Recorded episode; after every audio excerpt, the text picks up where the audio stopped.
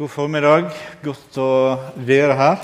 Vi har fått, uh, allerede fått uh, møtt med gode ting. Og jeg fikk uh, gratulere David både på Facebook og gi han en god klem i går. Det er virkelig stort og flott. Og Så takker jeg også på vegne av IMF for samarbeidet rundt Betania Laksevåg. Det, som dere sikkert vet, så, så eh, ble det huset overgitt til IMF for noen år siden. Og um, dette med den tanken som nå blir realisert, den har levd i oss en stund.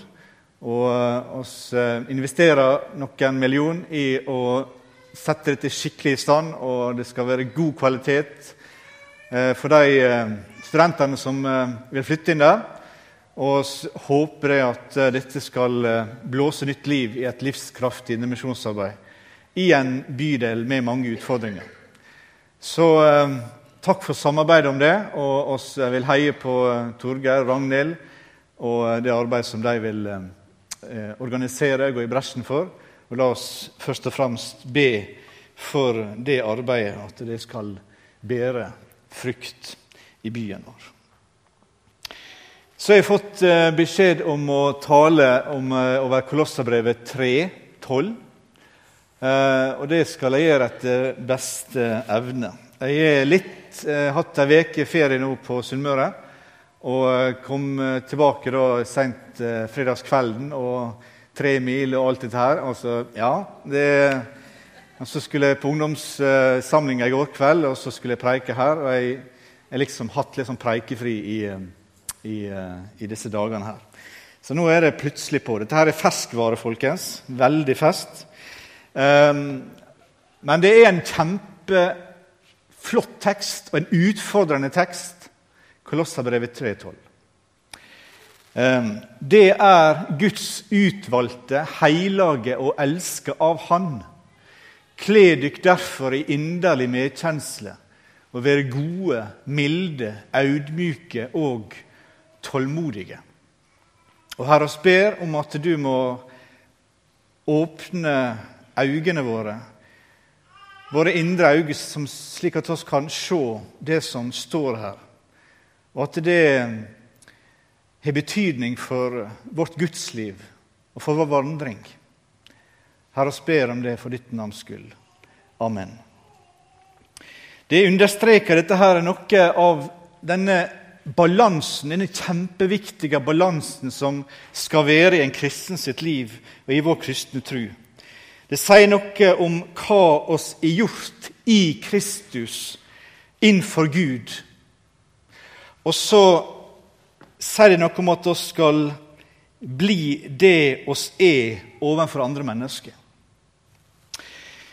Brevet til forsamlinga i Colosseum er skrevet for å advare de truende mot ulike former for vranglære som var i ferd med å snike seg inn. Som var i ferd med å, å bryte ned det gode som apostlene hadde planta i forsamlinga. Og eh, på samme måte som eh, for de kristne i Galatia, i Galaterbrevet, så var det bl.a. det at den blanda sammen. Det at uh, oss er det oss er av nåde. Det Guds nåde har gjort oss til, og det oss skal være på grunn av nåden. Når en blander sammen de to tingene der, så blir livet ikke frihet, men da blir det sjølstrev. Når det en gjør, blir ikke nåden nåde. Når vi bygger trua vår, livet vårt, kristelivet vårt, på det oss gjør, så får ikke lenger nåden være nåde for oss. Men eh, det blir lovgjerninger for å oppnå velvilje hos Gud. Og Det vi merker i disse brevene, her, det er at et veldig tydelig før og etter. Det er et før, et liv som var levd før, og et liv som leves nå. Og Paulus skriver at de truende tidligere levde et liv der de praktiserte et liv i handlinger som var i fiendskap imot Gud, imot Guds vilje. Mellom de vandra dere også før, da dere levde i disse ting, stender i vers 7. Men det var før. Det var tidligere. Nå skriver han i starten av dette kapittelet at deres sinn skal bli vendt oppover. Imot det som er der oppe, mot Kristus som sitter ved Guds høyre hånd. Se hva som står i begynnelsen av dette kapittelet. Er det det oppreiste med Kristus, så søk det som er der oppe, der Kristus sitter ved Guds høyre hånd. Vend deres sinn til det som er der oppe, ikke til det som er på jorda. For det er døde, og livet deres er løgnt, er skjult med Kristus i Gud. Men når Kristus, deres liv, åpenbærer seg, skal det òg åpenbæres i helligdom sammen med Han. Og Paulus han skriver altså til sprell, spill, levende mennesker at dere er døde. Dere er døde, og at livet nå er skjult med Kristus i Gud. På grunn av Guds nåde så blir det gamle livet og det gamle mennesket juridisk regna som dødt, som kondemnert, som står i Romerbrevet 8,3. Det blir regna som dødt for Gud, for at mennesker som kommer til tro på Jesus Kristus, blir skjult fullkomment skjult i Jesus Kristus og hans fullkommenhet. Det ufullkomne som jeg og du er i oss sjøle, blir skjult, blir ikledd fullkommenheten i Kristus. Synderen, jeg og du, er like fullt syndige mennesker, men vårt liv er skjult i Kristus, slik at Gud ser deg, ser meg som oss aldri har synda. Paulus sine brev er gjennomsyra av et begrep i Kristus, i Han. Gjennom hele brevlitteraturen til Paulus, og også i Peters brev, og også i Hebreabrevet, så finner oss dette begrepet igjen og igjen og igjen og igjen i Kristus. For det er det her oss er fri ifra all fordømmelse. Det er her oss finner fred. Det er her oss finner trøst. Det er her oss finner stolthet. Det er her oss finner glede. Det er her oss finner herlighet og samfunn med andre. Det er her oss finner velsignelsen. Det er her oss finner utvelgelsen, osv., osv i Kristus. Alt dette fordi du som en kristen er skjult i Kristus. Har du prøvd å, å løse et regnestykke uten å lese oppgaven grundig først? Eh, det er en grunn til at lærere de sier til elevene sine før en prøve, før en eksamen Les oppgaven grundig. For Hvis at dere kommer skeivt ut fra starten, så er det umulig å komme i mål med rett svar. Ja, ja, En lærer kan selvsagt skrive noen pluss og minus, eller pluss i hvert fall, i, i margen over gode ting som er skjedd underveis i regnestykket. Men det blir aldri rett til slutt. En god begynnelse er avhengig, er forutsetninga for at det skal bli rett til slutt. Og Alt det som Bibelen lærer oss om det nye livet som kristne, det blir feil dersom utgangspunktet blir feil. og Derfor så må jeg bruke noen minutter i denne talen også på dette. Når du kommer til Kristus, når du kommer til Han og bekjenner dine synder, så blir du frelst, så blir du ikledd Kristi nåde og ingenting annet. Alt det du er innenfor Gud, det er du på grunn av Guds grenseløse nåde. Ikke fordi du er fortjent det eller har samla deg opp nok plusspoeng ute i margen. I langs med regnestykket. Nei, du er Du er Guds utvalgte. Du er Guds hellige, Guds utskilte. Du er Guds elskede, ene og alene på grunn av Guds nåde. Og Jeg ser nå utover her ei forsamling av truende. I hvert fall så tror jeg de fleste her som er her, er tatt imot Jesus. Og oss er svært ulike, tenker jeg, med tanke på det å leve et liv til Guds ære i vår hverdag. Vi er ganske forskjellige, vil jeg tro. Men oss er alle like innenfor Gud. For du som er tatt imot Jesus, du er skjult i Kristus innenfor Gud. Det er starten av regnestykket, dere. Det er der det må begynne. Det er der vi må leve. Det er der vi må hvile. Det er der vi må finne kraften til det nye livet. Og så har oss dette nye livet, dette livet i Kristi oppstandelse. Og fordi oss lever det nye livet, så er det visse ting som skulle prege oss. Det er visse ting som blir satt til side, visse ting som blir tatt opp i våre liv. Og I teksten i dag så snakkes det om å kle oss. Der er noen gamle klær som skal bli kasta vekk. Der er noen nye plagg som oss skal ta på oss. Og disse versene i Kolossabrevet 3 der får oss nye motiv for å ta på oss nye klede. Du er et nytt menneske i Kristus. Du kaster vekk dine gamle klede. Du setter på nye klede som blir identifisert med det nye mennesket.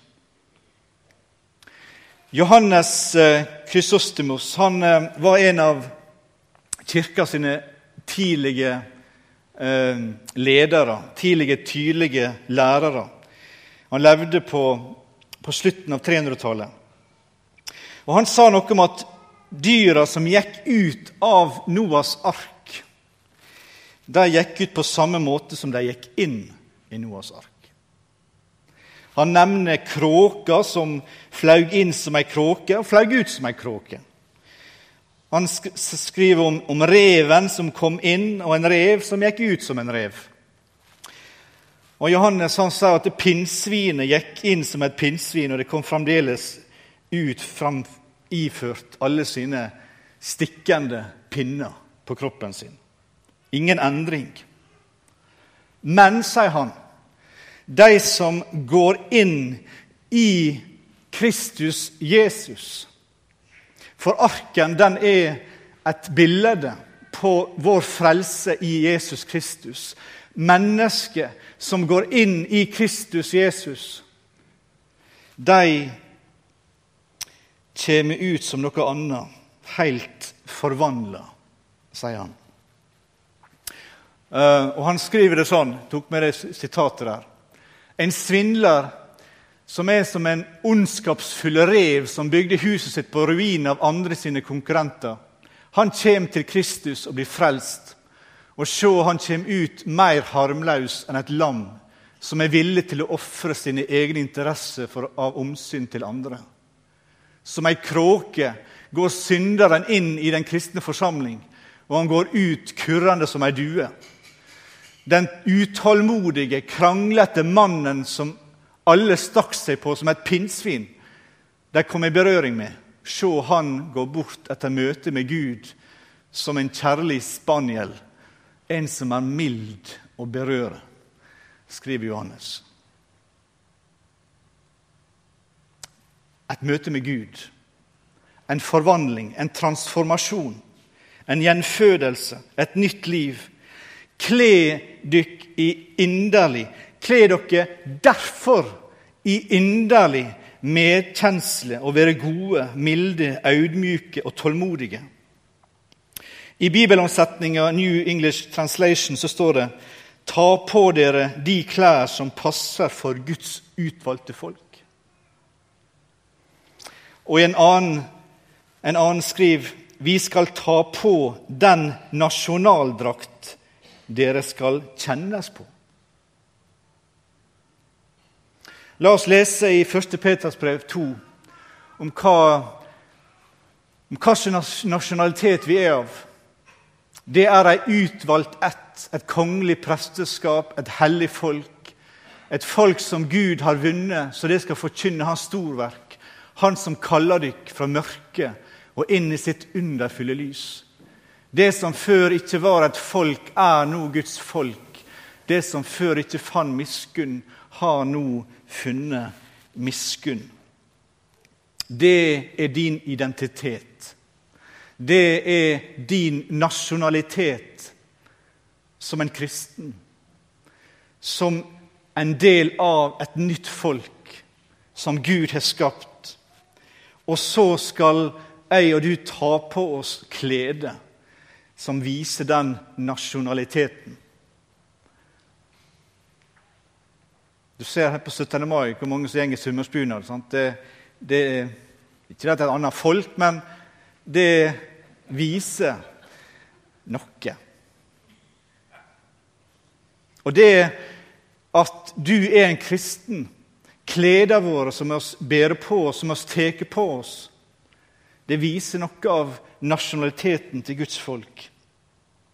Og så er det noen ord her som er brukt i dette verset i, Kolossabrevet 3,12, som uttrykker noe av klesdrakten.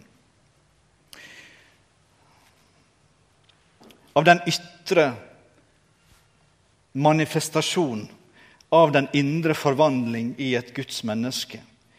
Medfølelse, godhet, tålmodighet. Medfølelse, medkjensle. Bokstavelig talt så betyr det ordet på gresk det å ha et hjerte for. Det å ha et hjerte for. La oss lese om Jesus i Lukas 19, 41 og 42. Da han nærma seg og så byen, gret han over han og sa:" Visste du bare, om så først på denne dagen, hva som tjener til fred for deg? Men nå er det skjult for øynene dine. Jesus ble så grepen av medlidenhet, av medfølelse for folket at han gret. Han hulkegret. Jesus hadde en slik medfølelse med de fattige at han ga dem mat. Han hadde en slik medfølelse for de syke at han helbreda dem. Jesus elsker disse menneskene. Han elsker de fattige. Han elsker de blinde.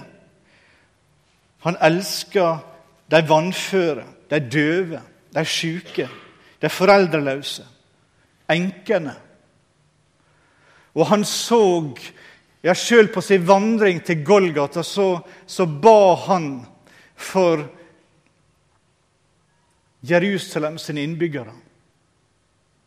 Sjøl i sin lidelse og sin smerte så var hans hjerte hos dette folket som hadde gått vill, og som ikke hadde tatt imot sin frelser.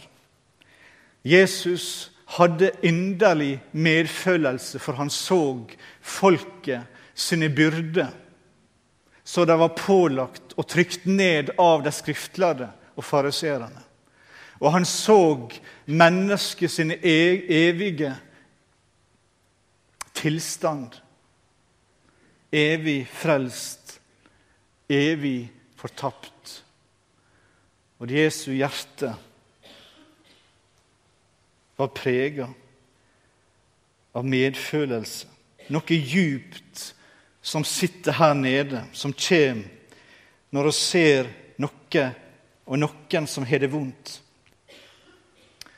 Guds menighet, Jesu venner, kristne skulle være de største hjelpere til de fattige, til de blinde, til de syke i denne verden.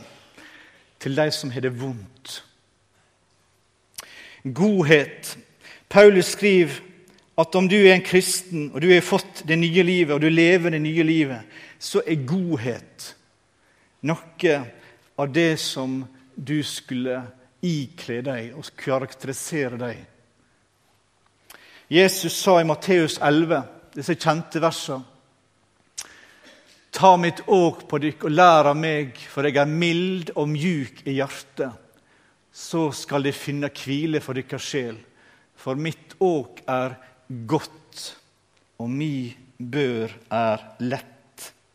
Jesus hadde en slik godhet som han utviste for alle mennesker.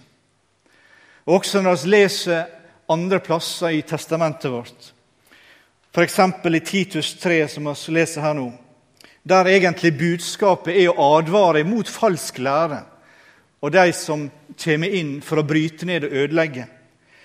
Legg merke til hva Paulus skriver. For vi var òg en gang uvitige og ulydige. Vi forvill og var slaver under samme slag, lyster og ønsker. Vi levde i vondskap og misunning. Vi ble hata, og vi hata hverandre. Men det ble åpenbart hvor god vår Gud og Frelser er. Det ble åpenbart for oss hvor god Gud og vår Frelser er, og hvor han elsker mennesker. Han frelste oss ikke fordi vi hadde gjort rettferdige gjerninger, men fordi han er miskunnsam. Dette, folkens, dette er forvandling. Dette er transformasjon. Paulus sier at det som forandra livet hans, var Guds og Jesu Kristi godhet. Og jeg tenker på den barmhjertige samaritan, han som steller såra til mannen som var hans fiende. Som tok han til vertshuset, som brukte pengene sine på at mannen skulle ha ei fin seng. Han brydde seg. Han viste godhet. Ydmykhet. Den tredje tingen er ydmykhet. Jeg veit ikke Altså, jeg, jeg ble litt forvirra når jeg las ulike omsetninger av dette verset i Kolossabrev 3,12.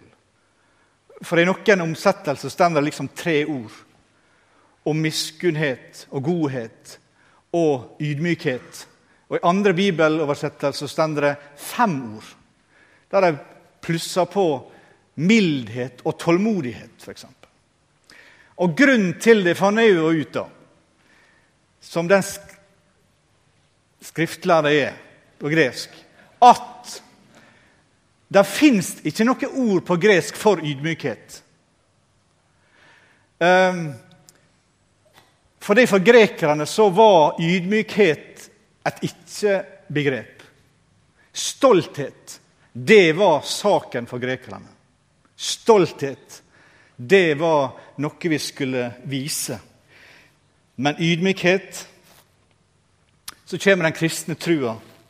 Ta på dere ydmykhet. Så kommer Jesus og sier 'vær audmjuke'.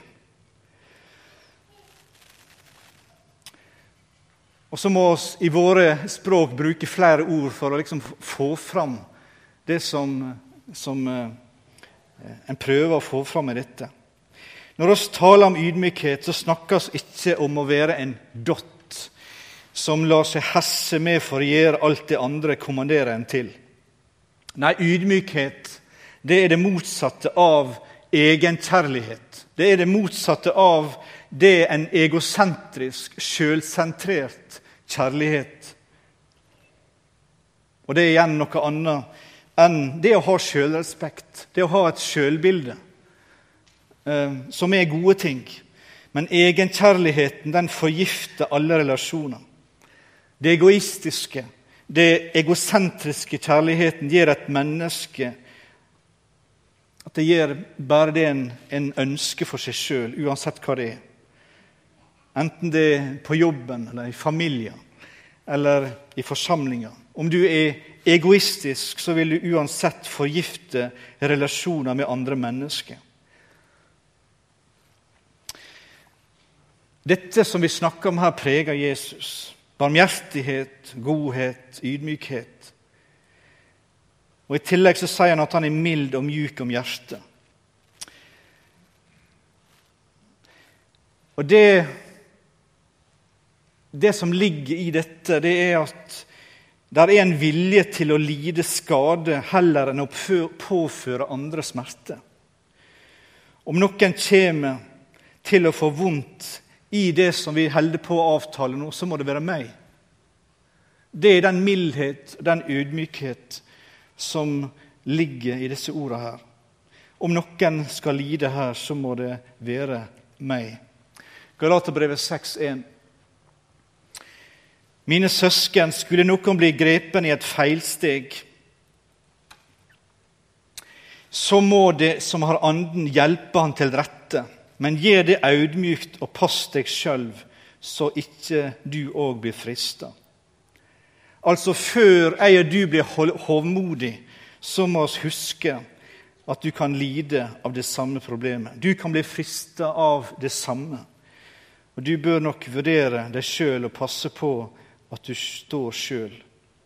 Eller i 2. Timoteus brev 2, 23-25. Men tåpelige ordskifte som ingen lærer noe av, skal du avvise, for du veit at det føder strid. En Herrens tjener må ikke ligge i strid, når han skal være vennlig mot alle, god til å undervise og villig til å tåle vondt, så han er mild når han taler til rette de som sier imot. For kanskje vil Gud en gang gi dem til å vende om, så de lærer sanninga å kjenne. Her møter du mildheten. Her møter du saktmodigheten, som det hette før. Dette er mannen, dette er kvinner som vet at han eller hun er en synder iblant syndere. Og så er det noe av tålmodigheten også i dette. Og Det leser oss i 1. Tim 1. Det er et troverdig ord og vel verdt å ta imot at Kristus Jesus kom til verden for å frelse syndere, og av dem er jeg den største. Men når jeg fikk miskunn, var det for at jeg skulle være den første som Kristus Jesus kunne vise alt sitt tålmod. Så jeg ble et førebilde for de som siden skulle komme til tru på Han og få evig liv. Det Paulus sier til oss, er dette. Hvis du ikke tror at Jesus er tålmodig, hør på meg, da. Hør på vitnesbyrdet mitt, da. Jeg sprang rundt for å drepe kristne, og han elska meg. Han var tålmodig med meg. Ser du noe av dette som preger Jesus? Og Så kommer disse spørsmålene til meg og til deg. Har du tatt på noen av disse kledene? Er mitt og ditt liv prega av medlidenhet til mennesket som er i nød? Er mitt og ditt liv preget av ydmykhet? Er det en sann og djup følelse av ydmykhet? En som sier at 'jeg heller skal lide enn at du skal lide? Er livet vårt preget av godhet, slik at det at andre har det like godt, er like viktig som at jeg og du har det godt? Er vårt liv prega av tålmodighet? Guds ord sier her er noen kledninger. Her er noen klær som du skal få ta på. Trass alt, vi er en ny skapning, og vi burde få på klærne til det nye mennesket. Og Så er det andre klær også som blir nevnt senere i dette kapittelet. Jeg sier ikke skal komme inn på, men jeg vil bare kort kommentere det Paulus summerer opp litt lenger ute, som det vesentlige med de tre punktene, i, i tre punkt som han eh, eh, summerer opp til slutt. La Kristi fred råde i hjertet. Erkjenn at Gud har innstifta fred med deg for Kristi skyld. Der er ikke lenger noen fiendskap, men der er en fullkommen fred og harmoni i relasjon til Gud. Og derfor så kan du også erfare freden i ditt hjerte.